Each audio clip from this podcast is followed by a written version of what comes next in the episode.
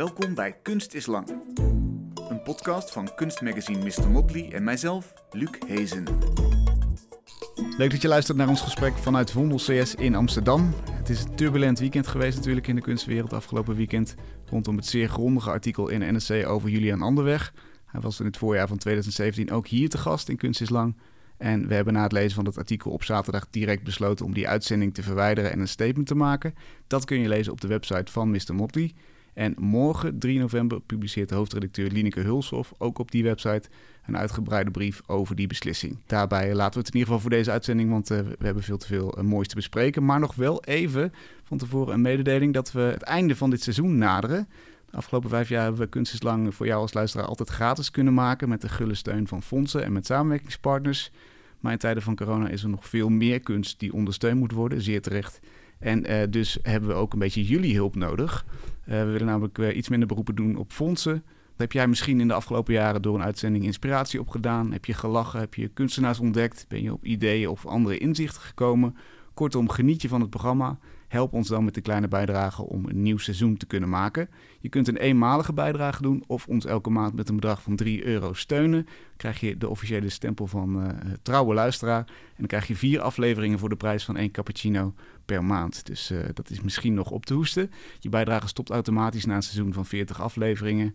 Een eenmalige bijdrage kan natuurlijk ook. En zo help je ons om in 2020 gewoon weer een jaar lang kunstenslang te kunnen maken. Doneren kan via de website van Mr. Motley. Daar vind je bovenaan de pagina een link. Aan het eind van het uur hoor je een project dat op Crowdfund website voor de kunst staat. Sander van Dijk die wil in een film onderzoeken hoe wij zo zeker weten dat we nu wakker zijn. Zou het niet kunnen dat we allemaal massaal aan het dromen zijn? Maar eerst mijn hoofdgast van vanavond, Vincent Verhoef. Hij begon met sculpturen en installaties, maar is de laatste jaren opgeschoven naar schilderijen. Die zijn zeer conceptueel, vaak is de afbeelding schetsmatig en bijna kinderlijk geschilderd. Een paar schoenen op een roze vlak met twee streepjes eronder, een wolk afgebeeld tegen een effen blauwe hemel en boven een oranje zandvlakte, of iets dat lijkt op een plantje in een bak, daaronder een blauwe streep en een vaalblauw wolkje. Het zijn vooral de titels die je verleiden om dan nog eens te kijken. Shouldn't Have Started bijvoorbeeld, voor het plankje in de bak. The Cloud of Unknowing, voor het wolkje in de woestijn. En Qu'est-ce paysage, voor drie lijnen die een landschap lijken te vormen. Ze suggereren dat hier vooral een conceptueel spel wordt gespeeld met het kijken zelf, met de kunstgeschiedenis en de relatie tussen wat wordt getoond en wat wordt bedoeld. Vincent, welkom. Leuk dat je er bent. Dank je. Ja, laten we beginnen met die uh, uh, Qu'est-ce paysage? Frans, voor wat, wat is een landschap? Waar gaat dat schilderij over wat jou betreft? Um, ja, dat is een werk, denk ik, waarin ik dus taal eigenlijk gebruik om op een bepaalde manier uh, direct een, een directe toegang te verschaffen tot het schilderij op een bepaalde manier. En er zijn, uh, ik denk in andere werken ook verschillende soort van strategieën die voor, die daarvoor gebruikt worden. Maar taal is iets um, waar je eigenlijk waar niemand echt zonder kan op een bepaalde manier. En waardoor je direct uh, allerlei connotaties eigenlijk automatisch erbij komen. En, de, en wat dan op het schilderij uh, zelf staat, is dan eigenlijk de definitie van wat, dat, wat een landschap is. Van wat is een landschap? Dat is dan de vraag eigenlijk. Ja. En het, en het schilderij staat dan eigenlijk daar de, de, een soort van min of meer encyclopedische uh, ja, uitleg daarover wat het dan is. Ah, oké. En de, wat er dan staat afgebeeld uit mijn hoofd, dat is dat het... Um, ja, er gebeurt iets in de taal ook. Ik weet uit mijn hoofd niet meer wat er op het afgebeeld staat uiteindelijk in de, in de tekst. Mm -hmm. Maar er komt dan het woord ook kader in voor. Dus dat, dat, en dat kader, en dat, dat gaat dan ook weer over schilderkunst. En um, dat, dit schilderij was, heb ik eigenlijk gemaakt voor een tentoonstelling die ging, of het uitgangspunt was, uh, landschappen. Ja. Een bepaalde landschappelijkheid um, in, de, in de kunst, waarbij eigenlijk de, degene die het landschap ziet, of de kunstenaar, die is eigenlijk altijd iemand die, um, die niet, uit, niet uit een gebied komt. Uh, uh, waarin de natuur heel belangrijk is. Komt meestal uit de stad. Vandaar ook was dat, dat schilderij wat er eigenlijk ook bij hoorde met die twee schoenen. Dat zijn dan eigenlijk nette schoenen, een soort van nette schoenen. Mm -hmm. um, derby dus shoes. Dus altijd, ja, precies, derby shoes. Dus het is altijd een, een buiten, het is eigenlijk een, een buitenstaander die um, in een andere omgeving komt. Um, en, en, hij is eigenlijk de enige die op een bepaalde manier uh, de waarde van, van dat landschap in kan schatten. Wat voor iemand anders is het gewoon zijn leefomgeving. Ja. Yeah. En heeft er een hele, hele andere relatie met het werk, zeg maar. Uh, en, en met dit, het landschap. Ja, En, en dit, Dit wat je er allemaal bij vertelt, eh, dat is natuurlijk helemaal niet te vinden in Nee. dat werk zelf. Maakt het uit? Ehm, Maakt het uit als Nee, je ik denk alleen dat denkt dat drie er- lijnen? Ja, nee, dat, ik denk dat, dat er wel nuance in zit. Ehm en dat voor mij is sommige context misschien heel belangrijk, maar dat is zeker niet het enige wat er gebeurt in het schilderij.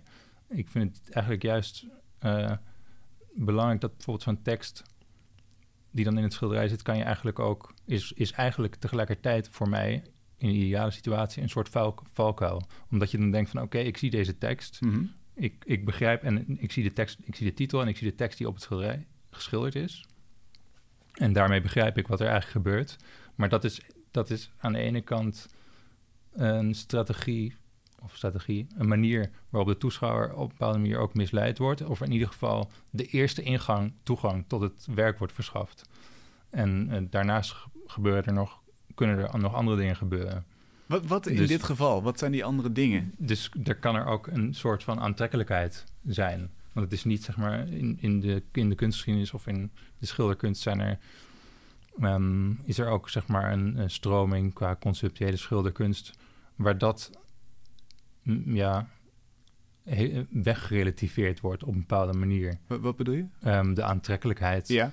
bijvoorbeeld heel eenvoudig de aantrekkelijkheid van iets of iets wat voor mij dan persoonlijk aantrekkelijk, aantrekkelijk kan zijn of dat je dus wel heel erg laat zien eigenlijk ook dat het ook al zijn de meeste werken vrij minimaal, maar je laat wel zien dat het schilderkunst is of zo Ja. op een bepaalde manier. Ja. Dus dan ja, ja ehm, dat, dat ik eigenlijk probeer vaak is ehm, binnen, binnen één werk, zeg maar, ehm, twee tegenovergestelde kanten soms op te gaan ook. Ik weet niet of dat per se voor dit, werk, op, op- voor dit werk opgaat. Mhm. Ehm, maar dat er, een, dat er een aantrekkelijkheid is in het werk en dat er een soort belachelijkheid eh, in het werk ook zit. Oh ja. Dat het zichzelf. Het is dus niet dat het zichzelf onderuit haalt, maar ja, dat laat, of voor mij laat het zien dat die dingen dicht bij elkaar liggen, of dat, dat, dat er een bepaalde onzekerheid is.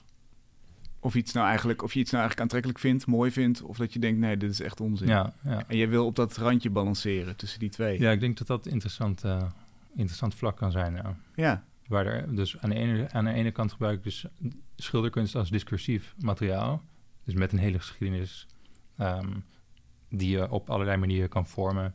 En aan de andere kant is er een soort van, eh, gebeurt er ook een, eh, een meer een bepaalde picturale suggestie. Mhm.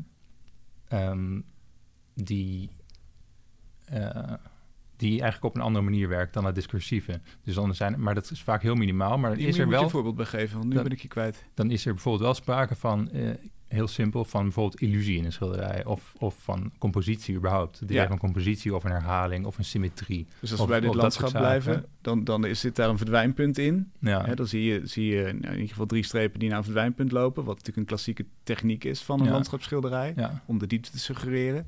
Maar jij zegt die gebruiken op een andere manier dan zoals die in de reguliere kunstgeschiedenis gebruikt wordt. Ehm, Hoe? in, ja, in dit schilderij... Ik probeer me ook nou voor de geest te halen wat nou de volledige tekst was die ik erop geschilderd heb. Maar er zit ook het woord eh eh, quotidien zit er in ieder geval in. Dus de dagelijks Dagelijks. dagelijks, eh, de dagelijkse realiteit. En het schilderij heeft, om die tekst heeft het, is er ook een geschilderd kader bijvoorbeeld, wat dan terugkomt in de tekst. Oh ja.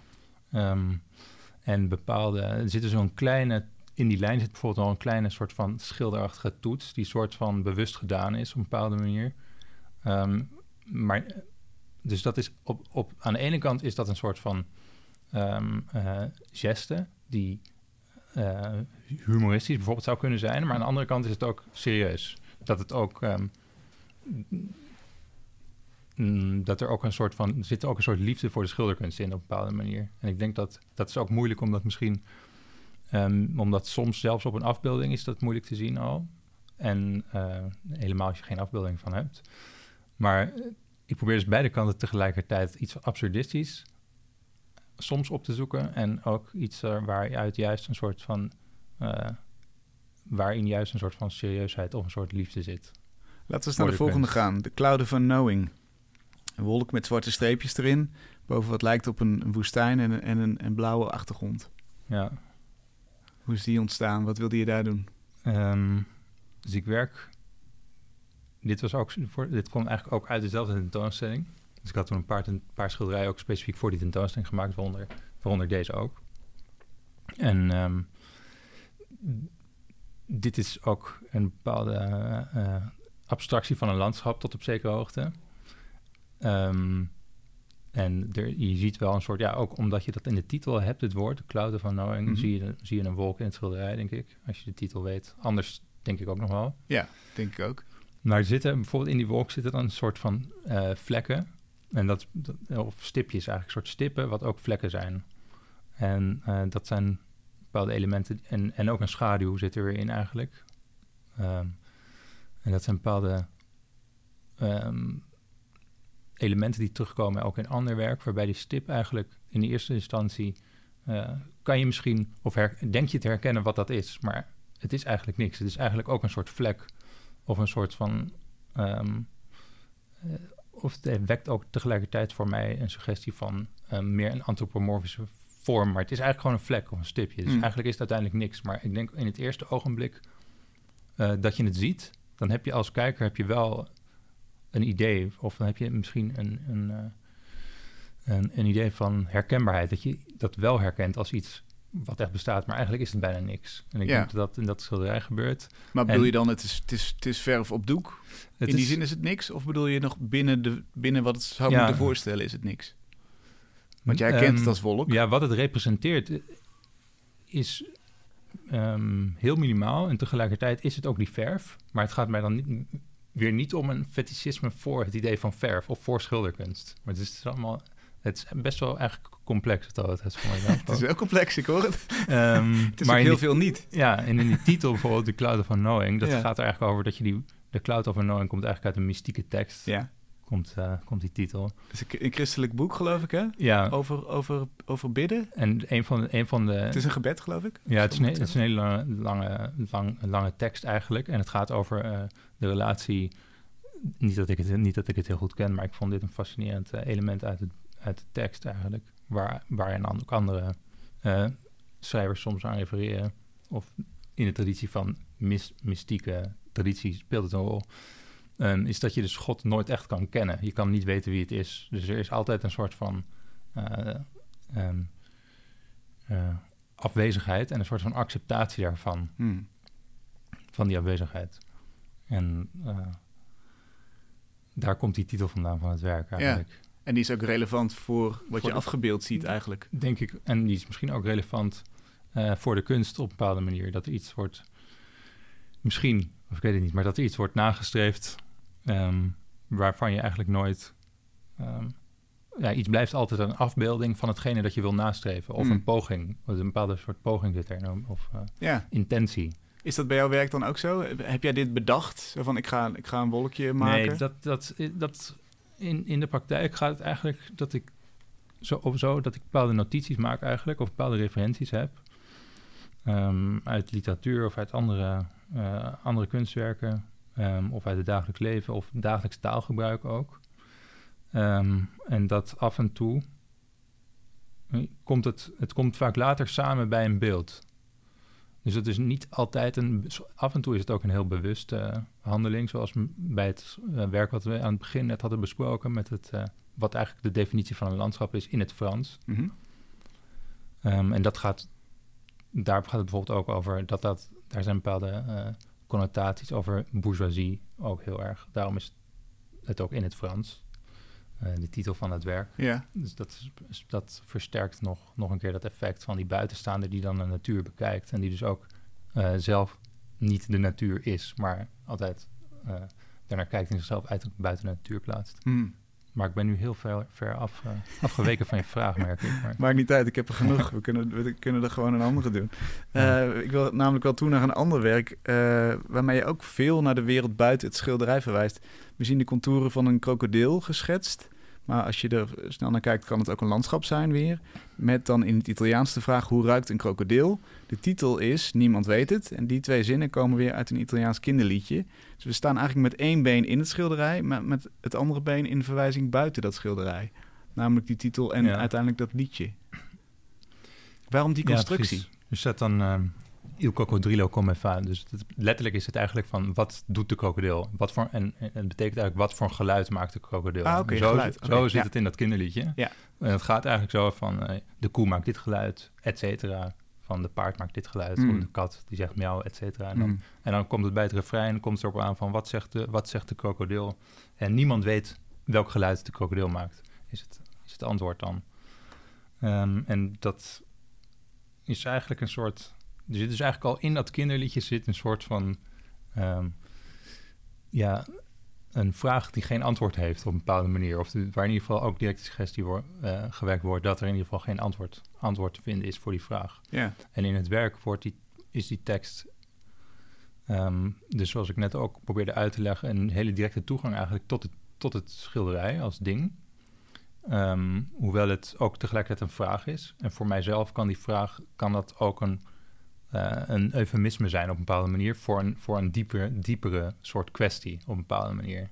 Voor een, voor een vraag die verder gaat dan uh, wat voor geluid de krokodil maakt. Je, zou er ook op een bepaalde manier je eigen invullingen aan kunnen geven misschien. En dat, dat om die, ik heb eigenlijk om die letters heen geschilderd en dat groene wordt een soort landschap, maar het wordt eigenlijk dus niet al die zaken zijn ook bewust eigenlijk van tevoren opgezet terwijl ik het maak misschien, maar dat wordt een soort van landschap en er zit een soort van groene modderigheid een beetje in. En ook, het is ook heel minimalistisch eigenlijk. Ja. Ehm, en die letters worden, tenminste, die worden ook een soort van tanden bijvoorbeeld. Van de, die zijn dan eigenlijk niet geschilderd, omheen geschilderd. Die blijven een soort van wit, als een soort van tanden van die krokodil misschien. Ja. En dat, en dat groene gaat ook door in een soort lijntje die dus weer een kader ook maakt van het doek, waar voor de, wat voor de rest leeg is voor een groot gedeelte. Ja. ja.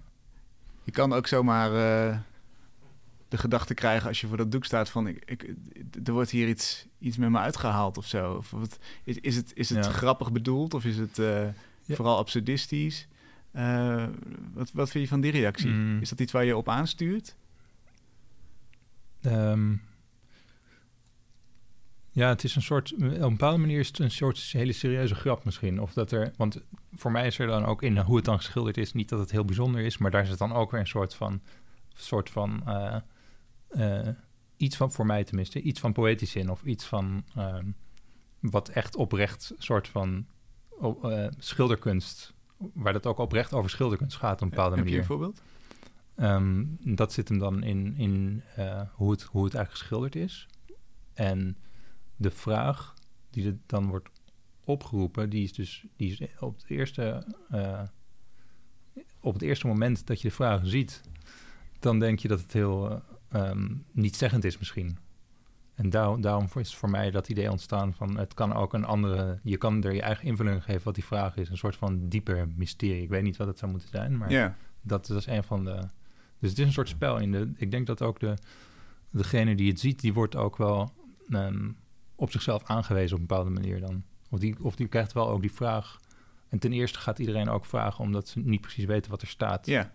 Wat ook al, wat voor mijzelf, um, ja, omdat de meeste plekken waar ik het laat zien, kunnen de meeste mensen dat niet direct begrijpen. Of tenminste niet dat het heel ingewikkeld is, Italiaans, maar je moet het toch een beetje kunnen begrijpen. Mm -hmm. dus dat is ook weer voor mij een ander spel. Dat ik beheers dat zelf ook niet.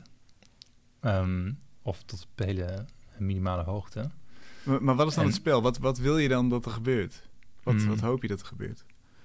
Ja, een van de zaken is, wat ik hoop dat er gebeurt, is dat er een, een, dat, uh, dat er een relatie meteen, of dus eigenlijk dat er meteen een relatie ontstaat tussen degene die het ziet in het werk zelf. Dus dat hij een soort van, want dat, dat hij benieuwd is van wat wordt, wat wordt hier überhaupt bedoeld. Mhm. En niet van, oké, het maakt me niet uit wat het is, het is iets flauws, maar dat iets, dat iets verder gaat in die nieuwsgierigheid. Ja. En dat gebeurt dus gebeurt ook al met. Uh, ja, dit, in dit geval is er eigenlijk een hele eenvoudige. Ten eerste is er al een hele eenvoudige uitleg. Ah, er zit eigenlijk een kinderliedje achter. Dat weten de meeste mensen ook niet. Italianen weten dat misschien soms wel. Maar dat, dat is ook al een. Uh, um, manier waarop dat werkt eigenlijk op zo'n moment. Want er is, er is nog steeds een schilderij aanwezig. Ja. Wat, wat ik heel belangrijk vind. Het is niet alleen maar... De titel of het raadspelletje. Precies, ja. ja. precies. Ja. Ja. Want wat, hoe heb jij voor jezelf eh, omschreven wat, wat kunst maken is? Wat, wat doe jij als, jij als jij kunst maakt? Mm. Ik denk dat ik in de loop van de tijd... Ik ben dus heel erg begonnen met... ehm, ik heb eerst beeld en taal gestudeerd. Ik heb eigenlijk eerst kunstgeschiedenis gestudeerd. Daarna beeld en taal aan de Rietveld Academie. En toen ben ik eigenlijk begonnen met werk wat meer... interi- ja, een soort van installaties maakte... of die een soort van interieur vormden... met een aantal eh, losse elementen. En ik ben eigenlijk meer op een... eh, het uitgangspunt daarbij was vaak wel een tweedimensionaal idee. Dus bijvoorbeeld een tekening of een, of een schets voor iets. En dat kwam soms dan terecht in het werk zelf. En dat ben ik, zonder me daar heel bewust van te zijn, steeds autonomer gaan eh, behandelen. En ben ik voor mezelf eigenlijk steeds meer dingen ook gaan afbakenen, denk ik. Omdat er zo'n overvloed, denk dat een van de oorzaken is ook, of een van de dingen die daarbij een rol spelen, dat er juist zo'n enorme overvloed is aan allerlei materiaal en aan allerlei andere eh, technieken die een soort van die je, waarin je onuitputtelijk kan variëren. En met schilderen, Hm? ehm, wat dan een van de dingen is die ik doe, is dat heel erg beperkt op een bepaalde manier. Ehm, of kan je dat heel erg beperken? Als je zegt van, ik, dit is olieverf op doek, zeg maar het meest... eh, eh, ook hetgeen dat zo eigenlijk bijna geen keuze is wat dat betreft. Of als je, als je zeg maar de meest logische variatie zou kiezen, wat ook een buitenstaander die niet per se- in de kunstwereld eh, ja, werkzaam is, ehm, op uit zou komen. En ook wat een relatie heeft bijvoorbeeld met de alleroudste afbeeldingen zijn een tweedimensionale aanraking van een vlak of van een rotswand bijvoorbeeld. Hm. Daar, streef je naar, om daar weer in de buurt te komen. Ehm, dus dat was, ik denk, nou, dat zijn heel veel oorzaken of redenen voor mij, denk ik. Maar dat is één wel, wel het, het jezelf beperken. Dat werd op een gegeven moment wel een doel, denk ik. Ehm, en dat is, dat is dus ook heel kunstmatig wat dat betreft. Want dan zeg je, oké, van eh, ik gebruik dit als medium. Ja. Mm, Maar wat, wat is het dan wat er gebeurt als jij een werk hebt gemaakt? Wat heb, wat heb je dan eigenlijk gedaan? ja.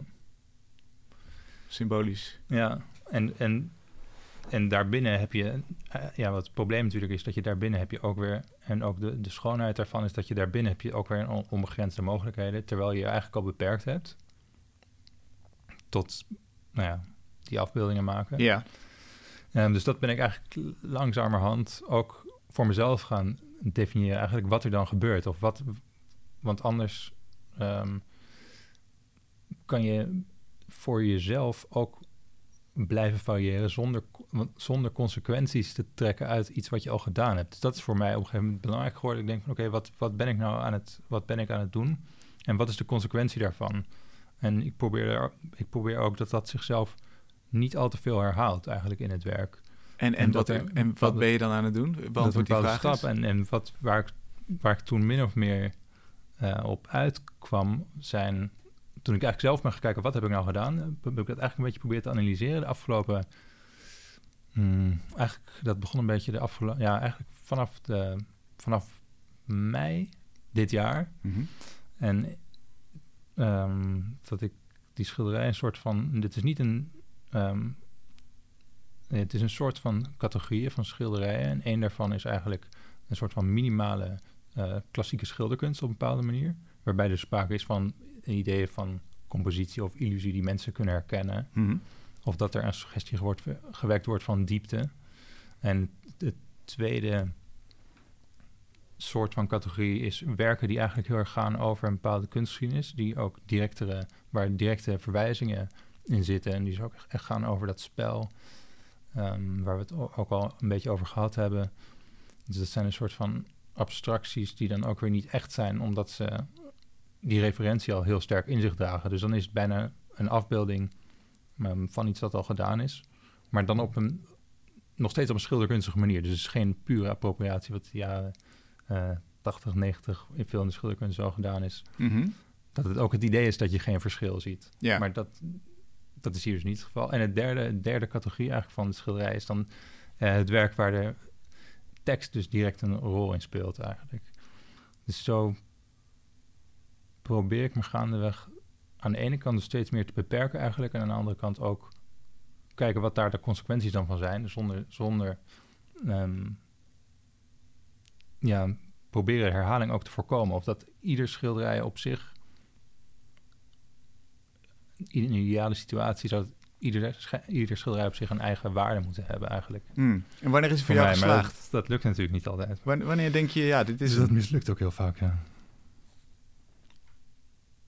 Vincent, wanneer denk je, dit, dit is hem? Dit, hij is af. Nu is dit een geslaagd werk geworden. Ja, soms gaat dat, soms kan het ook heel snel gaan. Eigenlijk, bijvoorbeeld met dat, waar we, om het voorbeeld te pakken waar we het net over gehad hebben, het schilderij van het uh, kinderliedje. Il Cocodrillo Come Fa. Um, was er dan een zin die ik al had opgeschreven, of waar ik al mee bezig was, en, maar wat ik niet per se, op het moment dat ik hem heb genoteerd, of dat ik hem tegen ben gekomen, dat ik dacht van, ik ga daar een schilderij van maken.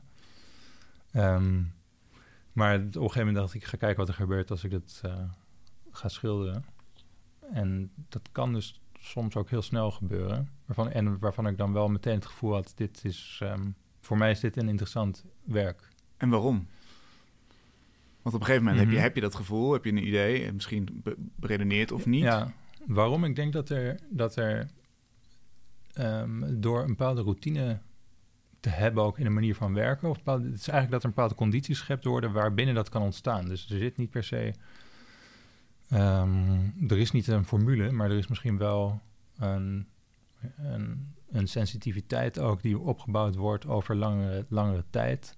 En ook een simpelweg een routine van um, je aandacht eraan schenken. En dan hoeft het dan niet altijd productief te zijn kan ook heel vaak zo zijn dat er heel weinig gebeurt. Niet dat je dan niks doet, maar dat je dus bezig bent met, uh, met bijvoorbeeld het maken van dat soort notities of dingen probeert die niet werken. Ja. Maar op een gegeven moment denk ik dat er, uh, als er genoeg um, concentratie in blijft zitten en als je dus het idee, als je dus wel een bepaalde lijn daarin probeert vast te houden, dat af en toe um, gebeurt er dan wel iets wat, wat dus lijkt alsof het heel makkelijk is.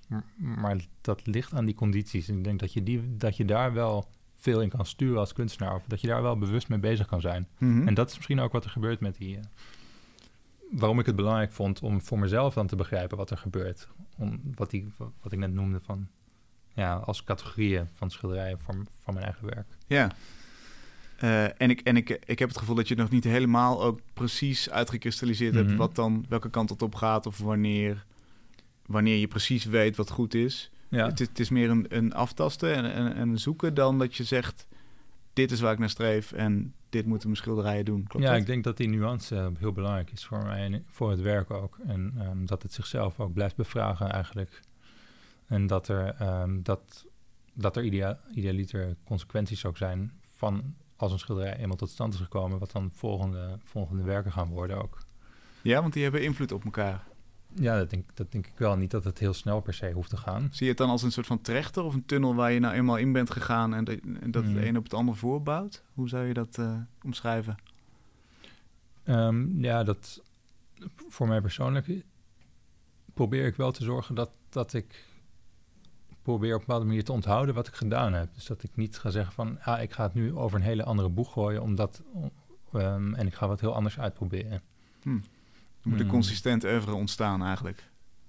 Um, ja, dus niet per se dat dat uh, visueel gezien consistent is, maar als een soort uh, uh, gedachte, gedachtenstappen die voor mij, dat is dus ook weer een persoonlijk, ja, ook weer gedeeltelijk persoonlijk denk ik, maar dat het voor mij wel een soort van lijn erin komt. Of dat ja. je dat niks, ik, ik, probeer te zeggen dat het niet vrijblijvend moet zijn, dat ik niet vrijblijvend iets probeer te doen. Ja, ja. En die lijn... Om het ook interessant te maken voor jezelf eigenlijk. Heb je, heb je daar een soort van beeld van wat die lijn dan is? Los van de drie mm. categorieën die je net noemde, hè? Die, die eigenschappen die die werken idealiter zitten. Ja.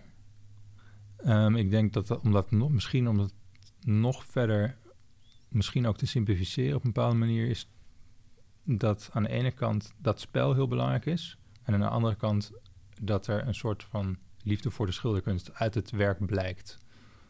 Um, dus een soort van schilderkunstigheid is daar aanwezig. Die mhm. is heel minimaal, ja. vaak.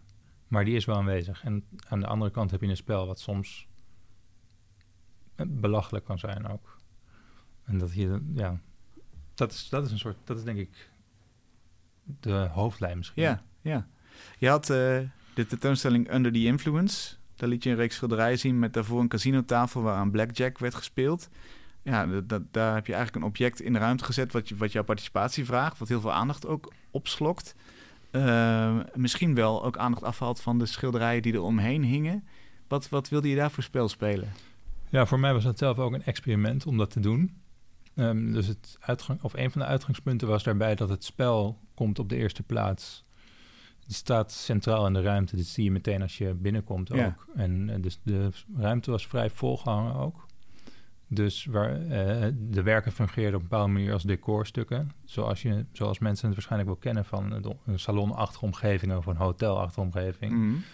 Uh, waar er wel vaak allerlei werken zijn, op schilderijen bijvoorbeeld of sculpturen. Of in de hotelkamers of op de gangen. En dan ga je misschien niet per se afvragen wie de kunstenaars zijn van het werk of wat er precies in die werken gebeuren. Ja. Um, dus, dus het idee van die presentatie was ook dat dat omgekeerd wordt, die relatie tot de schilderijen. Maar wat er, wat er ook tegelijkertijd gebeurt, is dat er. Um, dat heeft ook een sterk sociaal aspect. Omdat het heel erg het moment, het ging vooral dus om het openingsmoment ook, dat er, dat er heel veel mensen zijn tegelijkertijd in de ruimte. Die dan zonder dat ze daar heel veel moeite voor moeten doen, eigenlijk uh, op een andere manier zich kunnen engageren tot elkaar heel erg. En dus dat er een andere relatie ontstaat um, in de nabijheid van uh, kunstwerken of van een opening. Um, ja, de, dus door die ingreep van dat spel toe te voegen, was dat eigenlijk ook een heel belangrijk effect voor mijzelf. Wat, wat ik zag dat er gewoon gebeurde. Mm. Um, dus dat ging ook heel erg om dat, dat je op die manier kan je plezier hebben en tegelijkertijd een andere relatie misschien krijgen tot bepaalde werken. Niet, niet per se tot mijn werken, maar in het algemeen ook. En er was, voor mij was er natuurlijk ook een relatie met wat er in het werk zelf gebeurt. Ja. Maar dat is een, uh, dat dus, is een belangrijk effect. Oké, dus het is vooral het, sociale effect op de, op de mensen die, die daar waren. Ja, en, en vervolgens wat die interactie deed met de werken die eromheen hingen. Ja, wat, want wij zijn wel gewend denk ik, aan een bepaalde dynamiek die er heerst in galeries bijvoorbeeld. Want daar lijkt het misschien dan het meest op. Een galerieomgeving of een museumomgeving. En dit, gaat, dit is een andere dynamiek waarbij um, het contact ook anders is tussen de mensen die aanwezig zijn. Ja. Dus dat is een van de resultaten. En uh, in diezelfde tentoonstelling eh, waren geel geschilderde doeken te zien. Er waren gaten ingeboord en dan denk je meteen, oké, Fontana. Ja. die kennen we, de man die die scheuren in, uh, in, in doeken sneed. Um, is, dat, is dat, dat is uiteraard een verwijzing, kunsthistorische verwijzing. Maar is het ook uh, een, stellingname? Zeg je daarmee ook van, nou, ik, ik kan net zo goed anno 2020 die, die uh, zo'n vlak doorboren en, en daar iets, iets mee, mee maken? Ja, met het werk van Fontana begon het eigenlijk dat ik misschien een paar maanden daarvoor, ik ken het net als, net als nou ja, iedereen, of veel mensen in de kunst in ieder geval, dat werk kennen, um, zag ik het in Rome in een museum. En ik dacht, het is een heel aantrekkelijk ding voor mij. En ik ga gewoon kijken wat er gebeurt. Niet per se namaken, maar ik ga gewoon kijken wat er gebeurt als ik dat ook ga doen, zonder dat precies te bestuderen hoe je dat, hoe je dat echt exact zou na moeten maken. Want er zijn ook kunstenaars die op die manier uh, werken. Ja. Um, en een van de ideeën die er dan die er achter zit, waar, we net over, waar ik het net ook over had, het hele serieuze of de liefde voor de schilderkunst of voor schilderachtigheid, die zit ook in het werk. En tegelijkertijd zegt iedereen, of zeg, zeggen, is de positie van veel mensen, dit kan je niet doen, dit is al gedaan, deze ruimte is al geclaimd. Mm. Zeg maar, door Fontana bijvoorbeeld. Ja. En met een idee van de, de ruimtelijkheid van het schilderij, wat hij dan concetto speciale noemde. Uh, dat is heel erg geframed, ook op een bepaalde manier historisch, dat het dan zijn domein is en dat hij de enige is die dat kan doen. Maar je kan ook, je kan ook denken van, waarom is dit geen uh, legitiem medium bijna? Van, Hmm. ik, ga, ik ga gewoon dit doen als werk nu. Ik ga gewoon uh, ook op, de, op een vergelijkbare manier gaten in schilderijen maken. Ja. Bijvoorbeeld. En er zijn ook allerlei andere kunstenaars, of allerlei, er zijn natuurlijk andere kunstenaars die soortgelijke um, werken gemaakt hebben die niet zo groot zijn geworden. Dus wat dat betreft is het voor mij ook heel serieus om dat door middel van eh, dat voor sommige mensen dan de eerste reactie is... oké, dat staat nergens op om dat te doen. Ja. Dan is er dus tegelijkertijd is er een schilderkunstigheid in het werk... wat je dus eigenlijk moet zien. Um, dat is bij Fontana is het bijvoorbeeld niet altijd zo ook. Als, maar er zijn, en er zijn heel veel verschillen met Fontana trouwens, los daarvan. Ja. Um, en het, het, een ander punt is dat, die, dat ik dat ik het gek vind dat zo'n ruimte door één iemand geclaimd wordt. En dus eigenlijk nu is het een heel erg gemarket beeld geworden. En vooral dan die snedes die die in schilderij heeft gemaakt. Mhm. Dat is iets wat eigenlijk heel erg... Uh, een heel erg sterk beeld is, denk ik, voor de kunstmarkt. Ja. Van herkenbaarheid die gekoppeld wordt aan de kunstenaar, aan zeg maar ook het mythe van het kunstenaarschap, et cetera. En zeg je dan van, uh, flikker maar op met die mythe, ik ga, me daar, ik ga daar uh, gevecht mee aan? Ja, ik, ik denk dat het belangrijk is dat, dat dat meer genuanceerd wordt. En dat het eigenlijk is het misschien, los van allerlei conceptuele ideeën die je erbij kan hebben, is het misschien niet eens zo belachelijk om dit te doen. Ook al heb je die, die ideeën niet, ook al ken je Fontana niet, om gaat in een doek te maken. En hoef je dat niet per se af te wijzen. Ik denk dat dat, uh, dat, dat belangrijk is eigenlijk. Ja, dus het, het, het herclaimen van die ruimte eigenlijk, in ieder geval de vrijheid om ja, te kunnen het doen. Het scheelt ook maar enkele decennia. Hoe, hoe belangrijk is dat? En nu is het zo dat als je niet achter een bepaalde consensus uh, staat in een, in zeg maar een linie, toch vaak hoe zaken gepresenteerd worden als een lineaire progressie van de kunst. En als je iets uh, te laat doet, zeg maar, ja. dan doet het er niet toe. Of als je iets op een, ja, op een bepaalde plek. Uh, ja, heb je de boot gemist eigenlijk. Ja, ja. Ben je niet origineel meer. En ik denk dat dat is misschien niet waar kunst, niet het, de essentie van kunst. Ik denk het is wel belangrijk om bepaalde kunstwerken te contextualiseren en kijken hoe ze, wat de geschiedenis ervan is, hoe dit ontstaan is. En dan zijn er ook zeker wel belangrijke nou ja, doorbraken misschien. Of je kan het in ieder geval op zo'n manier framen dat het een interessante doorbraak is. Ja. Maar voor mij is dat niet, de, dat is niet een essentie, zeg maar. Dat is niet waar het uiteindelijk om gaat. Waar, waar gaat het voor jou wel om? En dat, dat zijn, dat zijn dat zijn denk ik veel moeilijkere vragen waar het uiteindelijk om gaat. Ja. Um, waar je geen uh, pasklaar antwoord misschien op kan hebben ook. En uh, misschien draai ik er weer omheen nu. Maar dat is meer, het is meer een uh, mysterie van bijvoorbeeld... waarom hebben we behoefte aan sterke beelden? Of ik denk dat die in de hele geschiedenis aanwezig is. Ja. Um, en dat, dat, dat we die behoefte dus misschien sterker dan ooit ervaren... en dat er juist eigenlijk heel veel armoede is ook op dit moment in de beeldcultuur... Um, nou, dat kan in ieder geval jouw persoonlijke motivatie zijn. Ja, ja bijvoorbeeld, ja, ja. Laten we niet voor de hele mensheid spreken. Zeker, maar zeker. het, is jouw, uh, uh, het is jouw leven. Ja. ja. ja.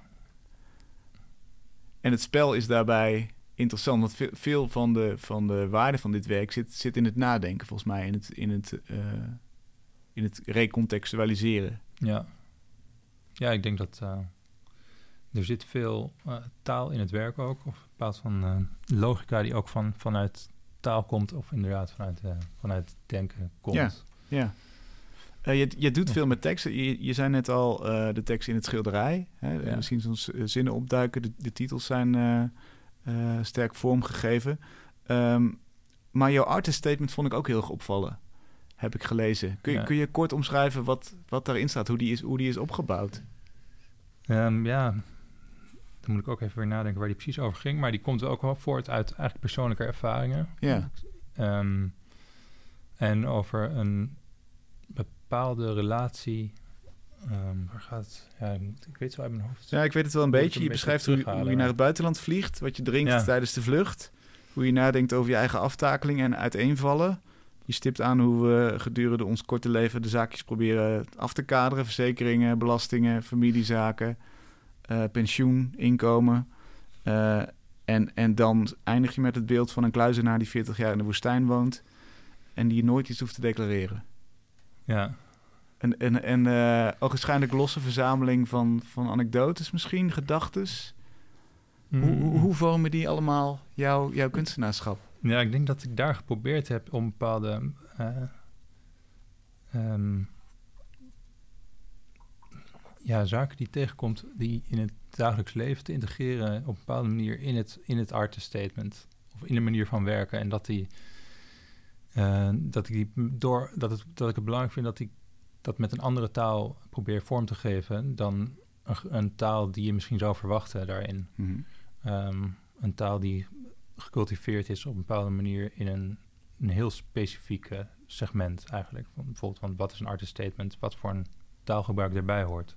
En hier ging het eigenlijk over uh, een bepaalde... Ja, het ging misschien ook over een soort van controle die je probeert te hebben over zaken in je leven waar je misschien geen controle uiteindelijk uh, altijd op kan hebben. Mm mm, en dat je zaken uh, probeert te construeren voor jezelf en te rationaliseren op een bepaalde manier. Wat, um, wat in de kunst. Um, ja, ik weet niet waar ik hiermee heen ga nu. Um, nou, eigenlijk las die artist statement voor mij juist als, als bewijs van dit, dit, het is een hopeloze zaak om te proberen om hmm. die, die, die, die grip te realiseren. Ja, ja. ja, het is een soort, misschien ook in het, in het werk zelf, of er is een soort van illusie van controle. En die, ik denk dat je dat nodig hebt heel erg, omdat je anders een soort van gek zou worden. Als je hmm. geen relaties gaat verbinden die er eigenlijk niet zijn. Dus als je geen causaliteit gaat zien voor jezelf in je eigen leven bijvoorbeeld, dan word je, dan word je een soort van gek uiteindelijk. Denk ja. Ik. En het, dat, dat zijn. Um, uh, dingen die, we, die je eigenlijk wel moet aannemen. En als voorbeeld, nou, als je een lekker band hebt, dan denk je bijvoorbeeld van waarom moet dit mij overkomen? Terwijl dat is eigenlijk een hele gekke reactie. Want ja, waarom moet het jou overkomen? Ja, er is geen reden voor eigenlijk uiteindelijk. En dat is denk ik ook een beetje in het artist statement, dat je heel erg probeert een bepaalde realiteit voor jezelf te construeren van waarom, wat je probeert te doen als kunstenaar. En dat kan ook heel geforceerd zijn eigenlijk. Of dat kan heel erg een, uh, een uh, leegte proberen te vullen misschien. Um, en misschien is dat niet nodig ook, dat je die constructie um, op die manier moet maken. Of in ieder geval zijn er misschien andere manieren. Dus dit is een nogal prozaïsche tekst, misschien ook mijn artist statement. Meer prozaïs dan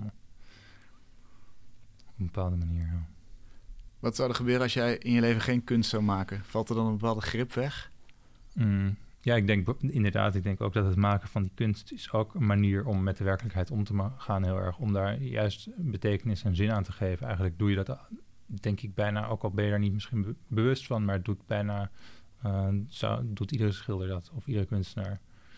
Of iedere schrijver. Hmm. Zegt van, uh, je, je schept een, een logica eigenlijk in een tekst die eigenlijk daarvoor niet bestond. Of in een schilderij.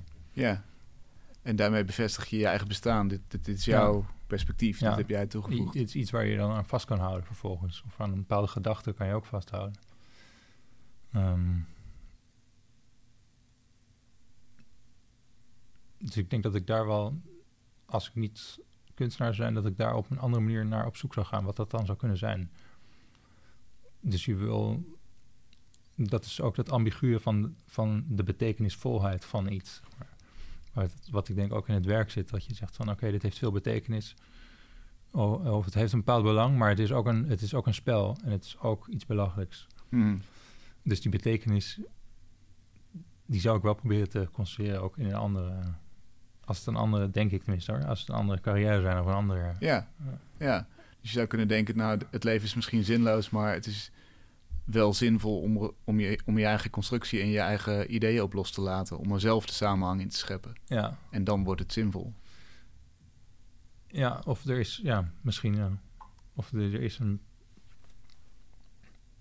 Of er is ergens, is er een zin van de zinloosheid ook misschien. Hmm. We, of we kunnen, dus, zoals met de, de cloud of unknowing, je kan die zin, kan je misschien ook niet altijd zien. En dat moet je misschien ook bepaalde oordelen opschorten af en toe. Misschien dat soort ideeën. Ja. Wat me wel opvalt is dat, dat, dat je in jouw werk in ieder geval... je krijgt niet de kans om erin te verdwijnen. Je krijgt niet de kans om, de kans om voorbij het nadenken te komen. Mm, nee, denk ik in het meeste... Nee, meestal niet, denk ik. Daar blijft het wel... Uh, dat blijft denk ik wel het belangrijkste, belangrijkste element. Ja. Als je er iets mee wil, dan, dan, dan zul je ermee aan de slag moeten en over na moeten denken. En op, op zoek, uh, zoektocht eigenlijk bijna uit te gaan. Ja. Waar ben je nu mee bezig eigenlijk? Waar mm. probeer je nu grip op te krijgen? Ja, dus in het begin van het jaar had ik nogal vrij veel te doen. En dat is daarna een beetje rustiger geworden. Dus dan uh, een van de zaken waar we net over gesproken hebben, was ik eigenlijk mee begonnen. En heb ik ook een paar werken over gemaakt die daarmee samenhangen. Dus dat voor mezelf proberen te definiëren, een poging daartoe te doen, waar het, waar het om gaat. Of voor mij in de, schilder, in de mhm. schilderij vooral. Mm dus, en uh, daarnaast ben ik ook... Uh, Hoe werkt dat? Waar ben je dan nu bijvoorbeeld mee bezig? en daarnaast... eh, ehm, Het laatste werk waar je mee in de bezig laatste was. tijd heb ik wat minder geschilderd, maar ehm, eigenlijk tot, tot de zomer heb ik al doorgeschilderd. En Waaraan? toen ben ik ehm, ehm, aan wat, een aantal kleinere werken. Ehm, en ik denk dat ik terwijl ik die werken aan het maken, maken was, was ik me wel meer bewust eigenlijk dan daarvoor ehm, van een bepaalde intentie. Dus dat idee van dat ik een consequentie probeer te trekken uit wat ik gedaan heb, dat er geen vrijblijvendheid is. Ehm, en ben ik, ja, probeer ik op die manier verder te werken eigenlijk. En omschrijf eens wat we zien op, op, op, de- op zijn doek. En er is wel ehm, wat we zien op zo'n doek is dus ook weer werken met, ehm, met tekst, ook hele korte tekst eigenlijk, of dat het bijna geen tekst is. Noem hem eens. En daar staat dan letters eigenlijk, en dat staat eigenlijk oh, no, oh, staat er op in eh, werk bijvoorbeeld. Ehm, wat, en dat, dat zijn dan worden eigenlijk ook tekens of echt abstracte dingen, omdat je het moeilijker kan herkennen. Tegen een soort ehm, monochrome achtergrond.